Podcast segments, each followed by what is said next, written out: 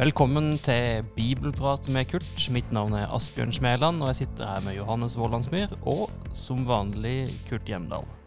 Og i dag så er det Matteusevangeliet, kapittel 14, som vi skal snakke litt rundt. Og i, i Matteusevangeliet kapittel 14 så er den første, det, første, det første vi møter, det er en fortelling om Johannes døperen og forholdet hans til Herodes. Eh, som ender med at eh, Johannes døperen dør og får hodet sitt på et eh, fat, som er f.eks. kjent fra populærkultur, kultur, som sangen fra Coldplay, 'Get a Head on a Silver Plate'. Så det er en kjent fortelling, regner vi med. Men Kurt, hvem er så denne her kong Herodes? Ja, Det er et godt spørsmål. Man kan bli forvirret av mindre enn det. Eh, for den ene Herodes etter den andre dukker opp i uh, Det nye testamentet. Skal vi ta en ganske fort repetisjon? Først Herodes den store, som er kongen når Jesus fødes, og som forfølger barna i Betlehem. Han dør år 4 før Kristus. Takket være problemer med tidsregningen en gang i løpet av 1400-1500-tallet, så har vi altså på en måte en tidsregning som ikke holder når vi sier år null er Kristi fødsel. Han er formentlig født sju år før Kristus. Herodes den store er far til Herodes Antipas. Herodes Antipas det er han som overtar etter Herodes den store. Når Josef kommer hjem igjen fra Egypt, så hører han at ny Herodes har inntatt tronen, og han blir redd og drar til Nasaret og ikke til Betlehem. Så har du Herodes Agrippa. Det er han som er konge når eh, apostelen Jakob blir halshugget i eh apostelgjerningene 12. Og så har du endelig Herodes Agrippa den andre. Det er han som nesten lar seg overtale til å bli en kristen av Paulus i apostelgjerningene 26. Så det er fire Herodeser i Det nye testamentet. Ham vi møter her, her i kapittel 14 i Matteusevangeliet, det er Herodes Antipas, altså den andre i rekken. Som overtar etter sin far, og som styrer i uh, Israel, eller i deler av Israel, da, frem til år 39. Da blir han avsatt. Og så kommer uh, disse agrippaene etterpå.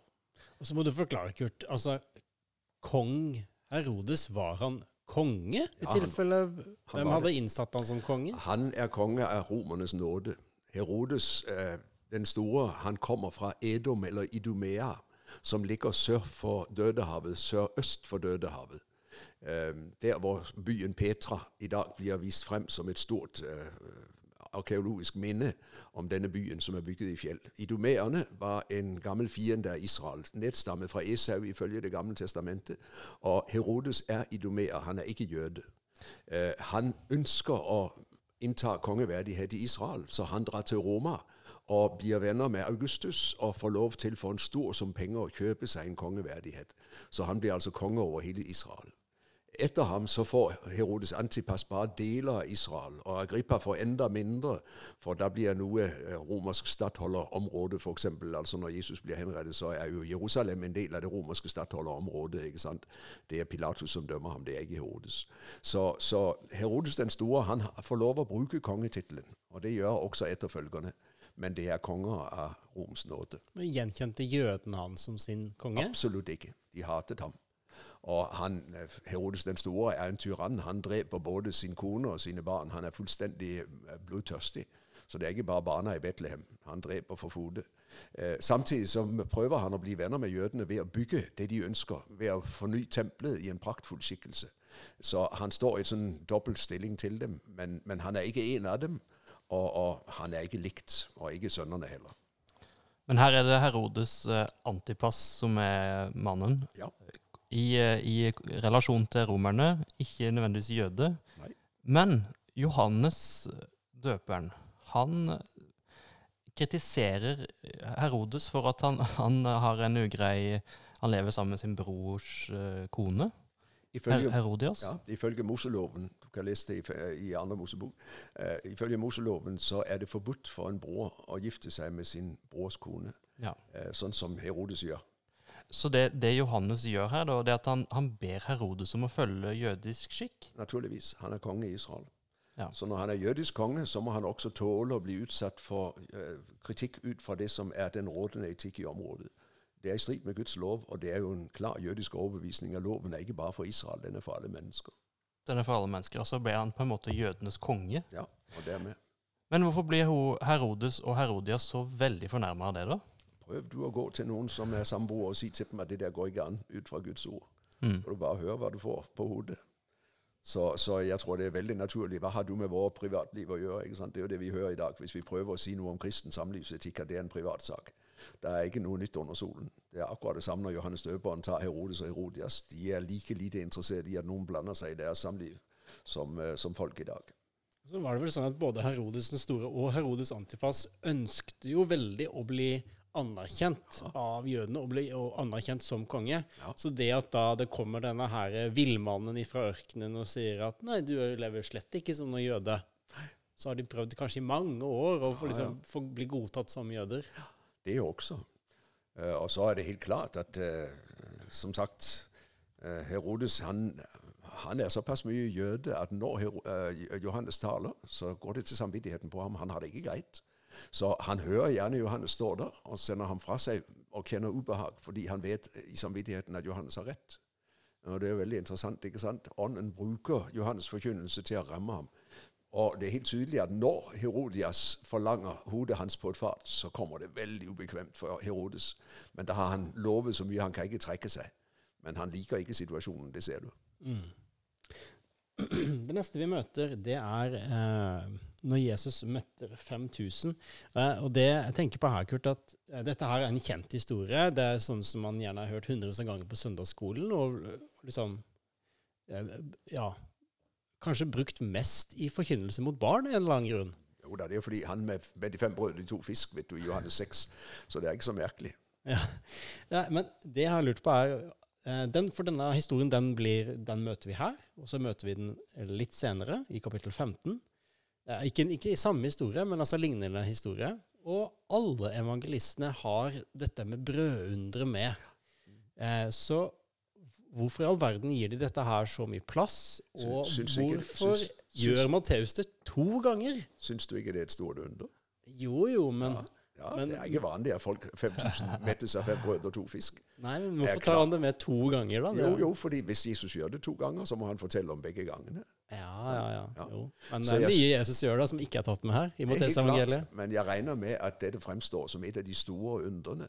eh, Fordi det er så aldeles usannsynlig, det som skjer. At 5000 blir mettet av en liten niste med fem eh, runde lefser og, og to fisk. ikke sant? Det skjer jo ikke sånt. Mm. Så, så det sier vel noe om underets karakter, eh, storheten i det. Og Samtidig er det jo interessant, for vi leser om mange helbredelsesunder. Vi leser ikke om så mange naturundere. Og dette er jo et under som er annerledes. Det er ikke en helbredelse, men det er altså noe som skjer som ikke kunne skje ifølge naturen. At mm, så lite blir mat til så mange. Og så tenker jeg meg også litt i forlengelse av lignelseskapitlet vi har vært igjennom, hvor det er tale om sennepsfrøet som blir til en stor busk. Dette er på en måte også et vitnesbyrd om det Jesus bringer. Ut av det lille så blir det veldig store. ikke sant? Eh, og så er det et forspill, et forspill eller en slags eh, profeti om nadveren. Herren som dekker bord for sitt folk i ørkenen. For det første så er vi tilbake i 2. Mosebok 16. Mannaen, ikke sant? og det ser vi i Johannes 6, hvor det henvises til dette med Gud som gjennom Moses skal manne manna i ørkenen. Og Dermed så er det et stort under, for det minner Israel om ørkentiden. Og samtidig er det et under som peker fremover mot kirkens liv, hvor hele verden skal leve av ordet fra Jesu munn. ikke sant? Og ordet om Jesus. Så, så både er underets karakter og underets profetiske innhold og bakgrunn tror jeg er med til å løfte dette under opp som noe helt spesielt. Og så gir også Matteus plass her, i disse, på disse dyrebare arkene de brukte, så gir han også plass til å nevne at det var tolv kurver til overs, til overs. Det var 5000 menn, det var fem brød og to fisker. Altså, Vi vet jo tall var viktig Ja. for jødene. Og det skal vi komme tilbake til når vi skal snakke om det neste brødunder. Så skal jeg si litt om tallene. Jeg tror vi lar det vente til da. Ok, Da venter vi i spenning. Og jeg, jeg gleder meg. Eh, det neste vi møter, er jo når Jesus går på vannet. Ehm, og dette er jo en historie som har blitt fortalt igjen og igjen, at Jesus kom, kom og gikk på vannet, og Peter er med der. Og, og så har jeg hørt denne historien så mange ganger at ja, vi må av og til må vi gå litt på vannet. Og, mange, mange sånne poenger som er blitt dratt ut av den. En kan gjerne kalle det en sånn slags resepsjonshistorie. altså At den har blitt lest på mange forskjellige måter opp gjennom tidene. Men et lite tankeeksperiment. Hvis, eh, hvis den nå hadde vært plassert i ei lita huskirke, f.eks. i Jeriko, i år 65, hva, hvordan hadde de lest den fortellinga da? Jeg tror på akkurat samme måten som deg. Eh, kanskje med litt færre tanker om eh, dette med billedlig talt å gå på vannet. Men uh, hvor mange har du sett gå på vannet? Nei, det er Det er ikke så veldig vanlig det skjer, er det det? Så jeg syns ikke det er så rart at den, eller denne beretningen, ikke lignelsen, for det er jo en virkelig beretning, at den også, akkurat som brød under for stor plass Begge disse to underne er naturunder. Det er skaperen vi møter. Han som skapte himmel og jord. Og, og det er helt uhørt. Både at man metter 5000 med fem brød og to fisk, og at man går på vannet. Så at dette får oppmerksomhet, det syns jeg ikke er noe merkelig. For, for dette er aldeles uhørt. Sånt skjer ikke. Og så skjer det. Og dermed så er det med til å understreke hvem Jesus er, at han virkelig er Gud. For han gjør det bare Gud kan. Og det er med til å knytte oss tilbake til skapelsesberetningen. Vi står i en ny skapelse. Nå bryter Guds rike frem. Eh, den nye pakt kommer, og, og her knyttes linjene tilbake til den første skapelse. Her skjer det helt uhørte. Noe helt nytt, ikke sant? Så det sier noe om hvem Jesus er, om hans makt og om hans storhet. Og nettopp det ufattelige, at han er Gud selv. Jeg syns vi, vi merker her det som vi har vært innpå flere ganger. Eh, som, som jeg husker og jeg, var en gang jeg hørte hele Johannes-evangeliet på lydbok. Eh, fortalte Det var sånn to og en halv time eller sånt nå.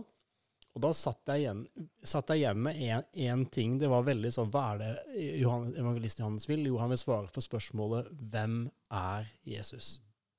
Og det er litt det jeg får følelsen av her. og de, de, de episodene vi har laget til nå i Matteusevangeliet, det kommer opp igjen og opp igjen og opp igjen. Det er det Matteus vil si noe om. Hvem er Jesus? Og veldig interessant. Hvis vi nå hadde gjennomgått Markusevangeliet, så i slutten av kapittel fire etter lignelsene så får vi historien om Jesus som sover i båten og reiser seg, stille storm og bølger. Og veldig interessant, hva avsluttes den beretningen med? Siste vers i, i Markus 4. Disiplene ble grepet av forferdelse og spurte hvem er han? Ikke sant?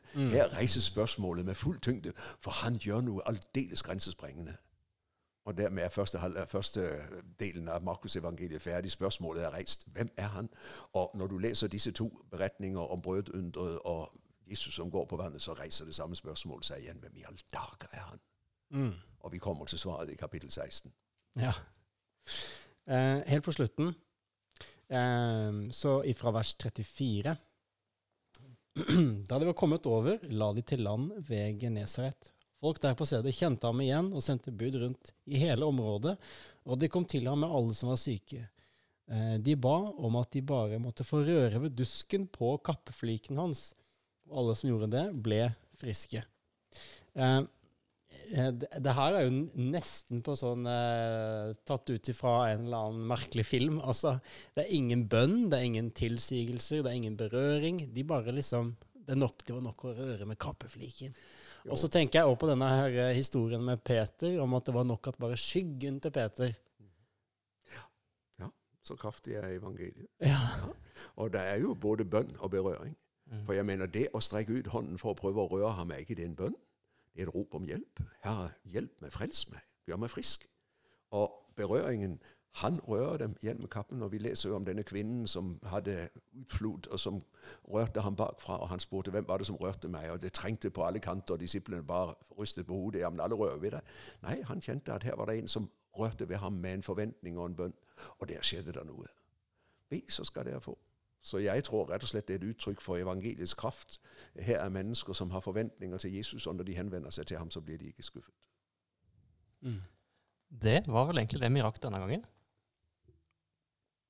Og ja. Det er bare å kose seg. Vi gleder oss til kapittel 15. Var det gildt å høre på denne podkasten, må du gjerne gi en gave til Nordmisjon sitt arbeid, f.eks. på VIPS med nummeret 94272, eller besøk oss på nordmisjon.no agder.